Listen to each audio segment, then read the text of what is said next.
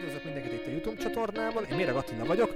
A csatornán Ausztriában tevékenykedő érdekes magyarokat is bemutatok, és ide érkező zenészeket, és ma szombaton a Cimbali Band zenélt, és a csapatnak a frontembere ül velem itt szemben. Szia Bali, üdvözlöllek! Én is üdvözöllek téged, Attila, és a podcast hallgatóit is üdvözlöm sok szeretettel. Kaptam 15 percet, ebbe a 15 percet nem fog minden beleférni, de kedves nézőink, hallgatóink, a csapathoz Facebook linket, YouTube linket, minden megtaláltok, tehát ha még több mindent szeretnétek megtudni a csapatról, vagy hallgatni a zenéjüket, ezt megtehetitek majd a linkeken. A népzene él, köszöni szépen, jól érzi magát?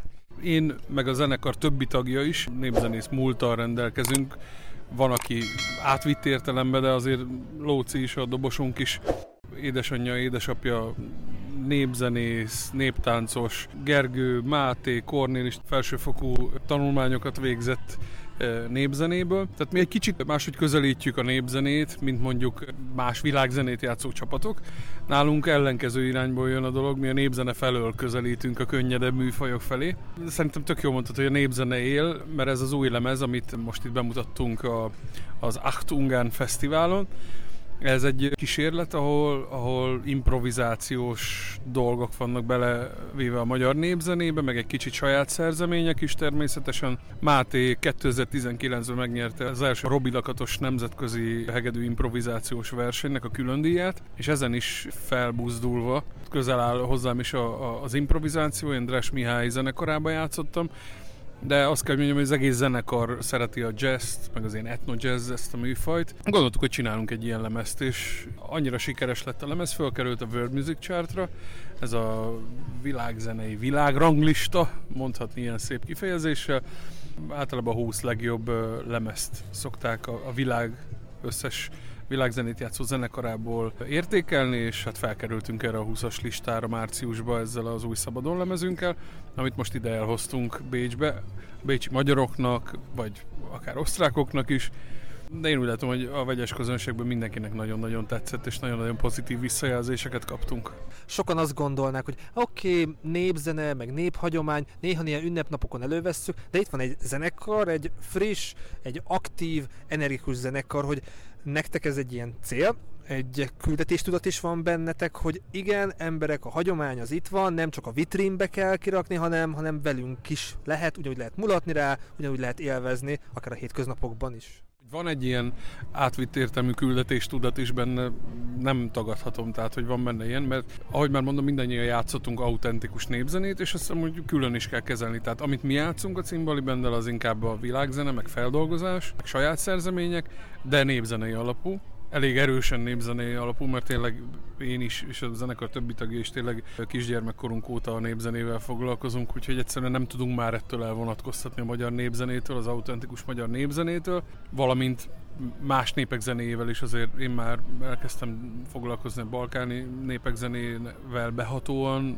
Bulgária, Románia, Törökország, Görögország, ahova a cimbalom eljutott, az engem nagyon-nagyon érdekelt és nagy hatással volt rám tanárom Balogh Kálmán, aki több ilyen világzenei lemezt jelentetett meg, és, és nagyon-nagyon nagy hatással volt rám. És a mai napig is kikérem a véleményét, beszélgetünk, hetente azért telefonálgatunk.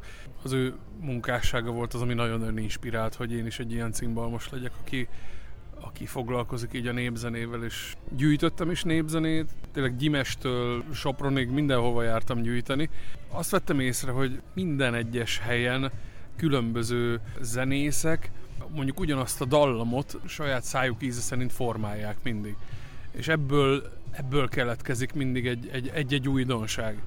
És akkor én ezt egy kicsit tovább gondoltam, hogy hát most akkor miért ne fogjunk mi is egy dallamot, és kezdjük el a saját szájunk íze szerint forgatni, úgy, ahogy, ahogy, ahogy csak jól esik.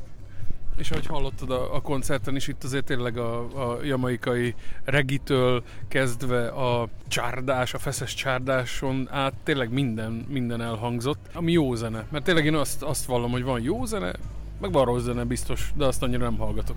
A nézők, hallgatók között lehet, hogy sokan mondjuk, ahogy említett, a csárdás ugrik be nekik a népzenéről, hogy a saját zenétekkel is próbáljátok közelebb hozni, de hogy hogyan lehetne még közelebb hozni a hallgatókat, az aktív hallgatókat, a fiatalokat akár, akik akár az elektronikus zene fele kacsingatnak, jön az új zene, hogy a, a hagyományok, a hagyomány ápolni és közebb hozni a mai fiatalokhoz szerinted mi az ideális mód? Lehet, hogy ezzel a zenével, amit mi játszunk, ahogy, ahogy én is láttam, ezzel egy szélesebb réteget lehet megszólítani, az biztos. De ha ebből lesz mondjuk egy, egy 10-20 százalék, aki azt mondja, hogy utána mondjuk fog tanulni magyar népzenét, vagy csak autentikus magyar népzenét fog hallgatni. Én szerintem már az is tök jó. Tehát, hogy, hogyha van ennek egy ilyen jó mellékhatása, teljesen jó dolognak tartom, hogy például ebből a szabadon műsorunkból, hogyha most itt a koncert után oda hozzám egy srác, hogy ő Csíkszeredai, és hogy hallotta, hogy, hogy volt benne Csiki dallam is, és hogy jó, hogy milyen jó, tehát, hogy ezek mind pozitív dolgok, hogy, hogy felismerték a, a saját zenéjüket, és kérdeztem, hogy táncolsz? Ő nem táncol, nem tud táncolni falábú. Tehát, hogy nem sok köze volt a népzenéhez, de felismerte, hogy volt itt olyan dallam is, és ez egy jó dolog, mert itt egy kicsit az identitástudatot azt hiszem, hogy erősíti ezek, és, és jól esik az ember szívének, amikor ilyet hall.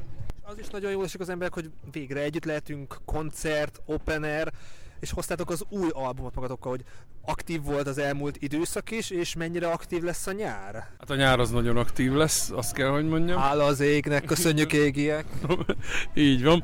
Hát reméljük, hogy, hogy így is marad a dolog. Megyünk majd Lengyelországba, megyünk majd Erdélybe. Külön örülök, hogy ide kijöttünk, mert már tényleg rég nem voltunk. Jól esik a lelkünknek az is, hogy tényleg muzsikálhatunk. Ez a mai koncert is ideális körülmények közt. Nagyon jó közönség, jó idő, szuper hangtechnika.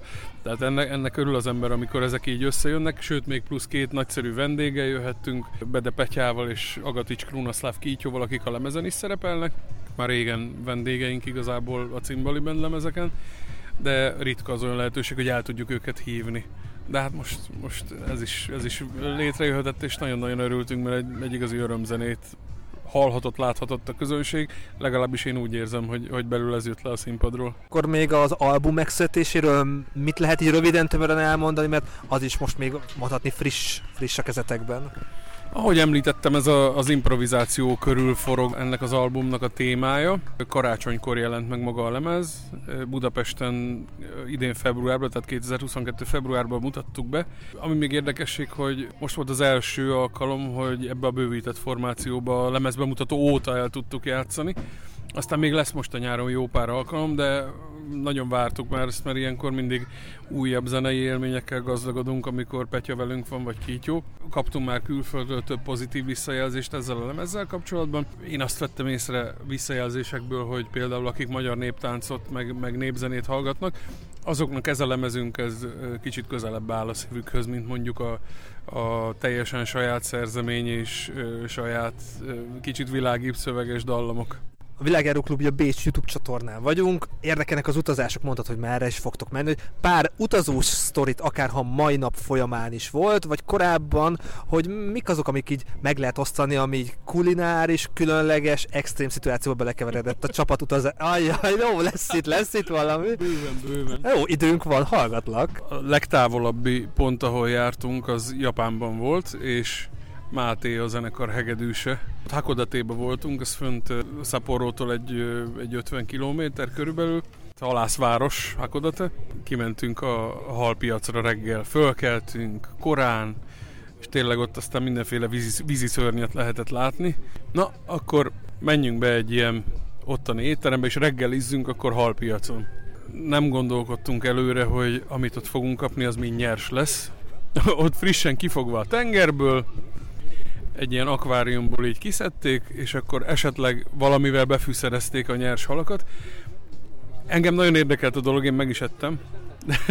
és itt vagy még hála az égnek. És még itt vagyok hála az égnek. Máté, ő igazából odáig jutott el, hogy így megkapirgálta a kanalával. Úgy szokott lenni ez, hogy ő azért mindig illik egy kicsit hagyni a tányéron. Körülbelül az egész kaját ott hagyta, ami vagy 7-8 ezer forintba került, tehát nem volt egy túl olcsó dolog. De aztán tovább mentünk, benzinkúton lehetett kapni különféle dolgokat, és az is Mátéval kapcsolatos ez a sztori. Lehet például kapni olyan olyan különleges dolgokat Japánba, hogy mondjuk ilyen előre csomagolt polipkarok, mint a gumicukor, meg stb. És akkor ilyen különleges fűszerekkel ellátva, ilyen kis zacskókban ilyen fűszerek. A 7-Elevenben voltunk, és, és volt ingyen wifi, Úgyhogy rögtön bejelentkeztünk élőbe a Facebookon, hogy Máté megkóstolja a, a polipkart, amit vett a 7-Elevenbe, kivette a kis polipkart, és akkor elkezdte így szórni rá a fűszert, el is kezdte így megenni, és hogy furcsa volt az íze. Hát, mint kiderült, nem fűszer volt mellette, hanem ez a ez ilyen szilikon nedvességgátló, mint a cipőkhöz is szoktak adni ilyen kis szilikontasokat. Alig bírta fölbontani, rá volt írva, hogy do not eat, de ezt azért annyira ő nem látta, és mégis csak felbontotta, megszórta vele a polipkarokat, és megkóstolta, és utána a csomagolást így a kezébe vette, és akkor látta, hogy do not eat, kirohant a boltból. A több, többi uh, sztorit már én rábízom a közönségre, hogy ki mit gondol, hogy mi történt, az történt, igen. Voltunk uh, Afrikában, Algériában, ahol ahol az, az öcsémmel együtt Algéri Nemzeti Rádióban voltunk meghívva angolul interjút adni. Tudni kell, hogy Algéria például egy katonaállam, tehát ott minden sarkon katonák vannak, és itt is az volt, hogy két fegyveres őr a rádió stúdió ajtajába ült, és mit tudom én, valami algérian nemzeti vezető is meg volt hívva, meg minden, és az öcsémet úgy hívják, hogy Unger Gergő. A rádióba pedig bekonferáltak minket, hát most, hogy Unger Balázs azt nem tudják kimondani, azért az nem, nem olyan furcsa dolog, mert általában mindig mondanak rám valamit, tehát mondták, hogy Unger Balázs, és akkor mondták, jó, hát ezen annyira nem is nevettünk, de aztán meg bemutatták az öcsémet, és Unger Zserbó. Ezt mondták rá Gergőre, valamilyen Zserbót mondtak. Bármennyire is uh, ciki, élő egyenes adásba röhögő görcsöt kaptunk a Gerivel, és tényleg már azt vártuk, hogy a fegyveres őrök mikor fognak közbe lépni, mert a szituáció annyira abszurd volt, hogy bemutatták őt, mint Unger Zserbó.